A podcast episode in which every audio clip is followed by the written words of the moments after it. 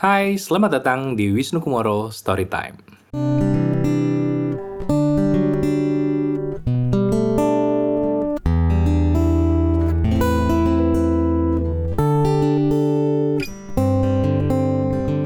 Coba bayangkan kalau suatu hari atau suatu pagi gitu ya, kalian bertemu dengan seseorang dan seseorang itu mengaku kalau dia adalah kucing. Eh, memang sebuah pertanyaan yang random sekali, tapi bukan tanpa alasan. Karena eh, ada sebuah peristiwa di Australia, ya, negara tetangga Indonesia, di mana ada seorang anak gadis yang mengidentifikasi dirinya sebagai kucing. Ini terdengar ah beritanya konyol banget ya, tapi sebenarnya adalah sebuah berita yang serius loh karena eh, pihak sekolahnya itu sampai mensupport dan membiarkan aja dia mengidentifikasi dirinya sebagai kucing. Eh, anak ini adalah anak yang cerdas, bahkan di berbagai artikel, nih saya lihat bahkan di eh, artikel dari salah satu media di Australia, dibilangnya phenomenally bright. Jadi artinya memang sangat cerdas anak ini.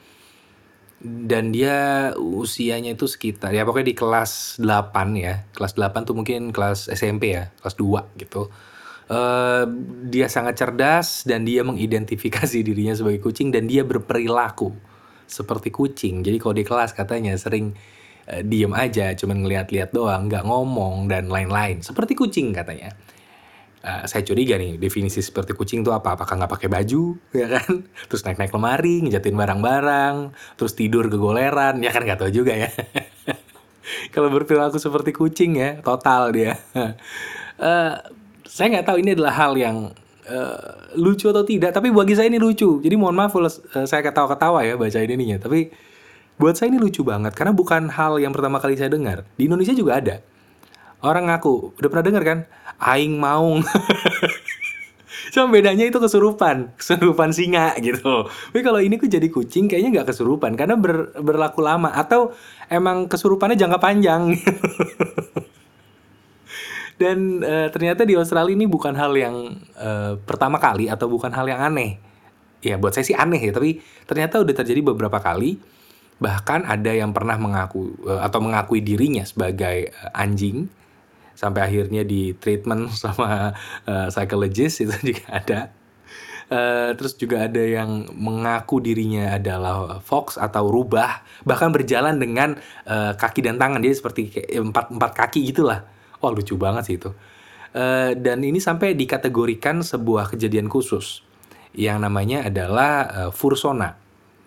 Uh, ini adalah hal yang belum pernah saya dengar sebelumnya sejujurnya. Fursona itu adalah uh, personalized animal character yang dibuat oleh seseorang dan uh, karena didasari oleh kekaguman terhadap hewan berbulu. Makanya rata-rata ini adalah hewan berbulu semua, kucing, anjing, dan kemudian uh, uh, rubah gitu ya. Meskipun hampir banyak nih mamalia itu berbulu kayak gajah gitu. Nggak ada ya yang mengidentifikasi dirinya sebagai gajah ya? Nggak ada ya? Belum dengar sih kecuali tulus ya. Tulus dipanggilnya gajah. Tapi dia tidak mengidentifikasi dirinya sebagai gajah. Tapi kalau kenalan sama tulus pasti panggil aku gajah kata dia gitu kan. Ya jadi aduh ke mana-mana kan saya jadinya. Tapi uh, ini buat saya bukan hal kecil dan bukan hal remeh lagi sebenarnya. Meskipun saya ketawa-tawa ceritanya, tapi ini beneran terjadi saat ini. Di mana banyak orang berusaha untuk mengidentifikasi dirinya dan pengen berbeda. Pengen beda sama yang lain. Entah apa pun alasannya. Entah karena insecurity dia e, sendiri yang dirasakan, entah apa pun, tapi yang jelas dia ingin jadi berbeda. Ini ini uh, analogi eh, analogi lagi analisa sotoy saya aja lah gitu semua orang ingin tampil berbeda kelihatannya sampai mengidentifikasi dirinya secara berbeda juga gitu uh, dan ini pun terlihat dengan beberapa fenomena di Indonesia meskipun kayaknya kalau ngaku kucing belum ada ya setahu saya atau ngaku jadi pohon rambat gitu nggak ada. Tapi kalau mengaku dirinya bukan laki-laki dan bukan perempuan itu ada kemarin sampai viral. Uh, dia ada adalah seorang apa ya peserta didik saya nyebutnya. Karena dia mengaku dia non biner jadi saya nggak bisa bilang dia mahasiswa atau dia mahasiswi. Karena yang namanya non-biner, dia tidak mengidentifikasi dirinya sebagai laki-laki ataupun perempuan. Jadi ya dia di tengah-tengah, dia mengaku saya di tengah-tengah, saya tidak laki-laki, tidak perempuan, tapi saya di tengah-tengah. Meskipun saya nggak tahu di tengah itu beneran ada tempatnya atau enggak, tapi ya dia menganggapnya seperti kanan dan kiri, gitu. Eh, saya di tengah-tengah, saya tidak ke kanan, tidak ke kiri, saya di tengah aja, saya gender neutral gitu, atau ya nggak punya gender sebenarnya. Jadi tidak mampu mengidentifikasi dirinya atau tidak mau mengidentifikasi dirinya, apa pun alasannya, seperti itu. Dan dia viral karena dia diusir dari acara kampusnya karena dia mengaku sebagai non-biner. Dan e, belakangan di berita juga saya dengar kalau kampusnya meminta maaf atas pengusiran itu karena e, tidak bermaksud untuk melakukan diskriminasi dan lain-lain. Tapi yang jelas e, ini adalah fenomena yang menurut saya tidak mengagetkan. E, karena banyak anak muda nonton Netflix ya kan, nonton apa namanya sex education tuh kan, di mana e, banyak anak muda menjadi berbeda, ada yang eh, LGBT dan lain-lain gitu, non biner. Sampai sekarang tiba-tiba ada yang mengaku kucing gitu. saya kreatif sekali kalau menurut saya. Saya tidak dalam kapasitas untuk mengomentari dan menghakimi itu. Saya menghargai semuanya. Makanya saya juga menghargai orang yang mengaku non biner ini. Uh, tapi saya ngelihatnya dari sudut pandang lain. Ternyata efek samping dari hyper competition di uh, kehidupan sosial kita itu efeknya banyak banget loh. Karena kita sadari atau enggak, saat ini semua orang ada di sebuah hyper competition, entah di pekerjaan, entah di lingkungan sosial, entah di keluarga bahkan. Ada semacam tekanan yang berlebihan, makanya saya nyebutnya hyper competition. Uh, let's say lah ketika kita ngelihat di uh, pekerjaan kita, kita dengan teman-teman kita nih oh saling sikutnya kalau dirasain itu sangat-sangat uh, sikutnya tuh udah kayak nempel di masing-masing tenggorokan orang gitu. Goyang dikit neken tenggorokan orang lain gitu loh sikutnya. Jadi bukan nyikut lagi udah sampai ke level nyekik sebenarnya.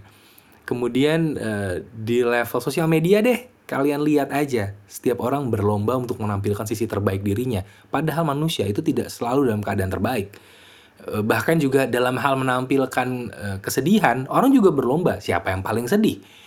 Jadi ketika semua hal hyper competition, seakan semua itu harus jadi yang paling gitu.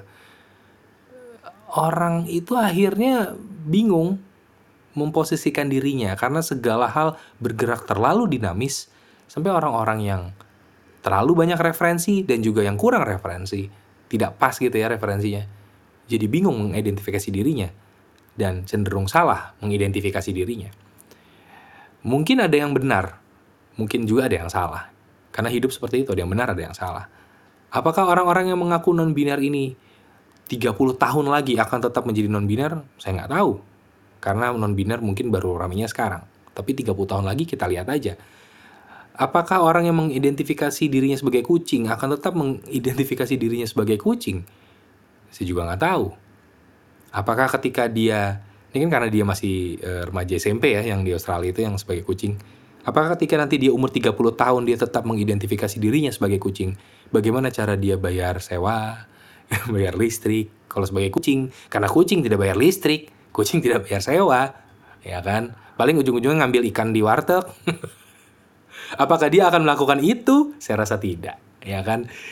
Karena kita manusia, pada akhirnya kita manusia bukan kucing gitu dan pada akhirnya uh, ini opini pribadi saya sih pada akhirnya apa pun yang kita lekatkan ke diri kita mungkin fakta menunjukkan lain karena kita mungkin salah karena daya observasi kita terbatas manusia itu memiliki daya observasi yang terbatas daya kemampuan proses yang terbatas informasi yang terbatas, semuanya ter, serba terbatas sebenarnya. Misalkan kita dikenalkan ke seribu orang, emangnya kita bisa menghafal nama seribu orang itu sekaligus? Saya rasa enggak. Kenapa? Karena kemampuan kita itu terbatas. Perlu latihan untuk bisa mengoptimalkan itu. Dan kalau diperhatikan, identifikasi diri yang berbeda-berbeda ini terjadinya di anak-anak muda. Di anak-anak yang masih mengembangkan dirinya dan masih latihan sebenarnya. Kayak tadi saya bilang, kenalan dengan seribu orang deh. Terus bisa menghafal seberapa banyak. Mungkin ada yang 100, ada yang 200, ada yang 500 mungkin. Tapi untuk bisa semua perlu latihan. Gitu. Nah, adik-adik ini, ya, yang masih muda ini, mereka sebenarnya masih dalam tahap latihan. Tapi sudah melabel dirinya ketika dalam proses latihan itu. Dan menurut saya, kayak terlalu terburu-buru. Mungkin nggak masalah non-biner atau enggak. Tapi saya menyarankan jangan buru-buru. Karena daya observasi kita terbatas. Otak pun masih bisa berkembang. Di usia yang segitu, otak perkembangannya belum mentok kok. Masih bisa berkembang lagi. Bagaimana nantinya kalau tiba-tiba menyesali keputusan-keputusan yang sudah dibuat. Itu akan lebih melukai hati sebenarnya. Apalagi kalau kita sudah dikenal sebagai itu, tiba-tiba kita menyesalinya. Kita mau berubah, tapi kita jadi kebeban oleh kesalahan yang kita bikin sendiri. Itu kan jadi berat ya, gitu. Bayangkan kalau si anak yang mengaku kucing ini sudah diterima di komunitas kucing kompleks sebelah. Terus tiba-tiba, wah ternyata saya orang. Terus, ah tapi ter terlanjur saya udah terlanjur nyaman sama kucing-kucing ini. Ya gimana ya, tapi saya orang malah jadi ada penyangkalan baru di perasaannya. Tapi gambarannya kurang lebih seperti itulah. Itu itu pandangan saya ya, pandangan saya tentang orang-orang yang mengidentifikasi dirinya gitu. Saya mendukung sekali orang menjadi dirinya sendiri. Tapi saya juga mendukung orang untuk menjadi versi terbaik dari dirinya. Dan untuk menjadi versi terbaik dari dirinya sendiri, ya tidak pernah berhenti belajar, tidak pernah berhenti mencari referensi-referensi baru dan juga memproses hal-hal baru dalam hidup kita gitu. Ketika kita berhenti dan melabel diri kita sesuatu, sebenarnya itu kita berhenti untuk belajar hal yang lain. Jadi hati-hati kita menaruh titik dan koma dalam hidup kita itu hati-hati. Karena kalau dikasih titik berhenti, diberi koma siap-siap untuk kalimat selanjutnya. Atau mungkin kita capek, kasih aja titik koma, semikolon. Break-break dulu gitu ya, nanti mulai lagi hal yang baru. Dan semua itu kehendaknya ada di diri kita. Jadi saya pernah nulis di lagu saya yang judulnya Jadi Diri Sendiri, bagian terakhirnya adalah hidupmu ada dalam kendalimu. Dan saya percaya banget sama itu. Hidup kamu, apa pun identifikasi yang kamu lakukan terhadap dirimu, entah kamu laki-laki, perempuan, non-biner, ataupun ya kucing, ataupun kamu mungkin uh, rayap. Yang jelas hidupmu ada dalam kendalimu. Tapi paling nggak kalau kamu jadi hewan, pilihlah jadi hewan yang langka supaya kamu dilindungi. Kalau kamu cuma jadi kucing, kamu main-main ke daerah tertentu, kamu bisa dijadiin sop. thank you